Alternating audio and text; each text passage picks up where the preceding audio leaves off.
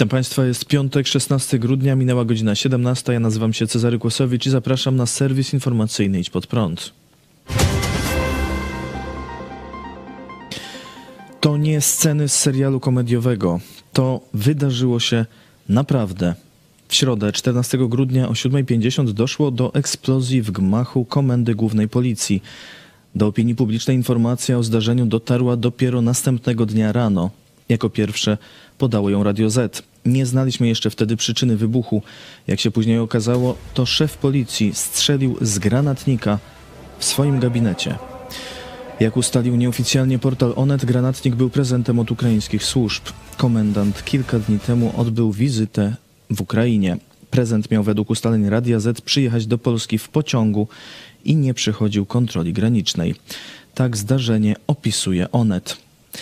Nasze źródła związane ze służbami twierdzą, że do zdarzenia doszło w gabinecie, gdzie znajdował się komendant oraz jego współpracownicy. Funkcjonariusze mieli oglądać tę broń. Nasi informatorzy twierdzą, że w pewnym momencie sam Szymczyk wziął granatnik do ręki i skierował w stronę drzwi pomieszczenia socjalnego w swoim gabinecie. Wszystko wskazuje na to, że przez przypadek odpalił broń, nie spodziewając się, że jest naładowana.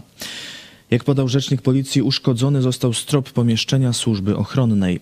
Tak z kolei opisuje sprawę Ministerstwo Spraw Wewnętrznych. O godzinie 7.50 w pomieszczeniu sąsiadującym z gabinetem komendanta głównego policji doszło do eksplozji. Eksplodował jeden z prezentów, które komendant otrzymał podczas swojej roboczej wizyty na Ukrainie w dniu 11-12 grudnia, gdzie spotkał się z kierownictwami ukraińskiej policji i służby do spraw sytuacji nadzwyczajnych. Prezent był podarunkiem od jednego z szefów ukraińskich służb. W wyniku eksplozji komendant doznał lekkich obrażeń i od wczoraj przebywa na obserwacji w szpitalu. Lekkich obrażeń nie wymagających hospitalizacji doznał też pracownik cywilny Komendy Głównej Policji. Strona polska zwróciła się do strony ukraińskiej o złożenie stosownych wyjaśnień. Sprawą od początku zajmuje się prokuratura i odpowiednie służby. Minister Spraw Wewnętrznych Mariusz Kamiński powiedział: Prokuratura uznała komendanta Szymczyka za osobę pokrzywdzoną w tej sprawie. Komendant był z wizytą roboczą u służb partnerskich na Ukrainie. Otrzymał oficjalny prezent, który nie okazał się tym, co gospodarze powiedzieli. Wyjaśniamy to ze stroną ukraińską. Możesz wieźć do Polski granatnik, nikt tego nawet nie sprawdził, nie? Czyli służby celno-graniczne, służby wojskowe. To już dzisiaj komendanci powinni tych służb składać dymisję, jeden za drugim. Jesteśmy państwem frontowym, bo jesteśmy przy granicy z najbardziej zbrodniczym państwem w dziejach przed Rosją putinowską. I my mamy takie służby taki bardach. Wszystko można załatwić. Zobaczcie, no bo co? Bo to komendant policji, to wszystko mu wolno, nikt tego nie sprawdza. Zobaczcie, jak prostą drogą można zamach terrorystyczny zrobić, nawet wykorzystując Bogu ducha winnego e, tego e, komendanta jako figuranta, bo wystarczy, że ktoś mu podmieni ten prezent, nie? A jak jego nikt nie kontroluje, jego bagażu nikt nie kontroluje, takie mamy zwyczaje w tym bardaku, no toż można bombę atomową tu wwieźć i nikt nawet tego nie zauważy, nie? No a potem to już jesteśmy w Polsce, to już jesteśmy w komendzie głównej. Kto wpuścił komendanta z takim Mariuszem? To, co się stało, to rozumie każdy. Od najprostszego do najmądrzejszego.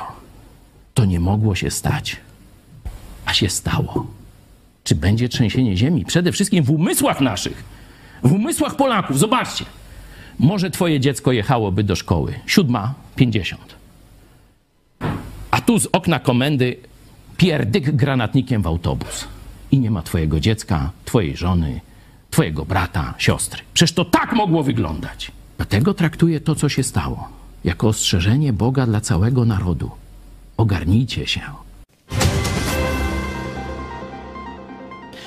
Częstochowa została pierwszym miastem w Polsce, którego radni przegłosowali uchwałę wzywającą do zaprzestania finansowania lekcji religii z lokalnego budżetu.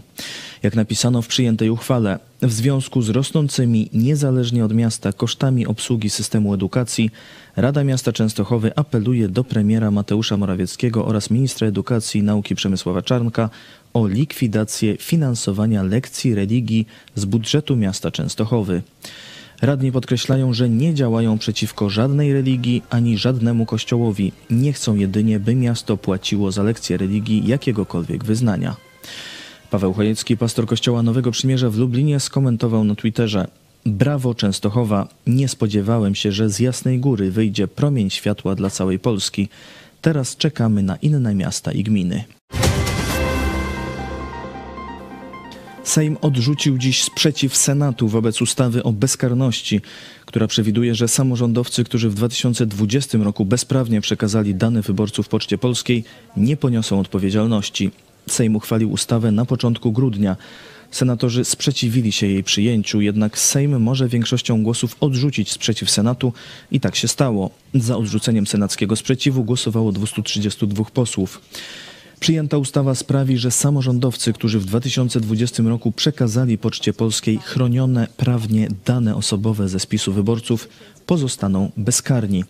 W przypadkach, gdy takie postępowania zostały wszczęte, mają zostać umorzone, a jeśli wyrok już zapadł, to orzeczenie nie zostaje wykonane, a skazanie ulega zatarciu.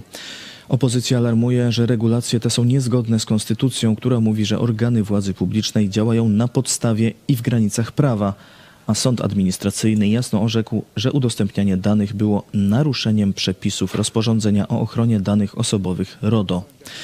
Teraz ustawa trafi do podpisu prezydenta. Policja zadłużona po uszy.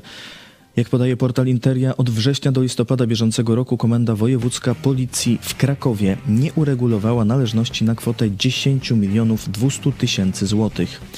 Jak tłumaczy rzecznik prasowy Małopolskiej Policji młodszy inspektor Sebastian Gleń, problemy finansowe są rezultatem braku odpowiednich decyzji budżetowych w Ministerstwie Finansów. Rzecznik stwierdził, że długi zostaną uregulowane, kiedy ministerstwo przyzna odpowiednie środki. Krakowska Komenda Wojewódzka zalega m.in. z wypłatą należności dla biegłych i tłumaczy przysięgłych, ale też z opłatami za prąd, usługi telekomunikacyjne, opłaty administracyjne i czynsze. Brakuje też pieniędzy na odprawy i nagrody dla policjantów. Policjanci pracujący w komendzie informują z jednej strony o absurdalnych sposobach szukania oszczędności, takich jak gaszenie świateł w biurach czy wytyczne co do oszczędzania materiałów biurowych i ograniczenia korzystania z czajników elektrycznych, a z drugiej strony o bardzo kosztownym remoncie, który objął gabinet komendanta wraz z sekretariatem i fragmentem korytarza. Koszt tego remontu wynosił ponad 420 tysięcy złotych.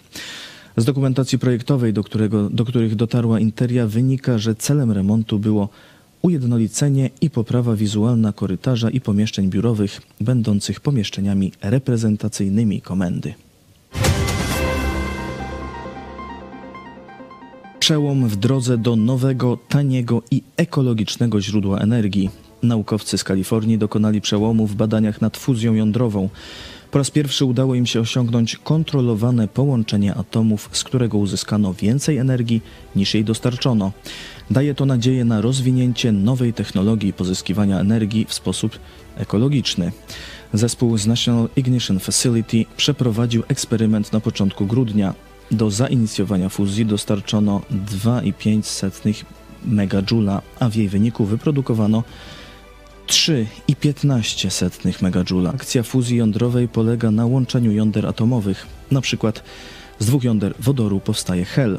Przy takim połączeniu wydziela się duża ilość energii. Taka reakcja zachodzi na przykład w gwiazdach. Dzięki niej świeci i grzeje słońce.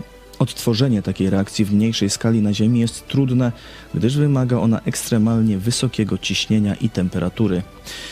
Naukowcy wykorzystali do tego 192 wiązki laserowe, które dostarczyły 2 MJ energii do maleńkiej kapsułki zmrożonego wodoru. Energia laserów przekształcona w promieniowanie rentgenowskie spowodowała ściśnięcie paliwa i zapoczątkowała fuzję, która wytworzyła ponad 3 MJ energii. Potencjał fuzji jądrowej jest bardzo duży. Z kilograma paliwa wodorowego może wydobyć energię taką jak ze spalenia 10 tysięcy ton węgla. Jednak naukowcy podkreślają, że trzeba jeszcze wielu osiągnięć technicznych, aby opracować instalacje, które będą proste i niedrogie i będą mogły za pomocą fuzji zasilać przemysł i nasze domy w energię. To wszystko w tym wydaniu serwisu, a jeszcze dziś o 18 w telewizji Pod Prąd Łyse baby i głupie chłopy. Zapraszam, do zobaczenia.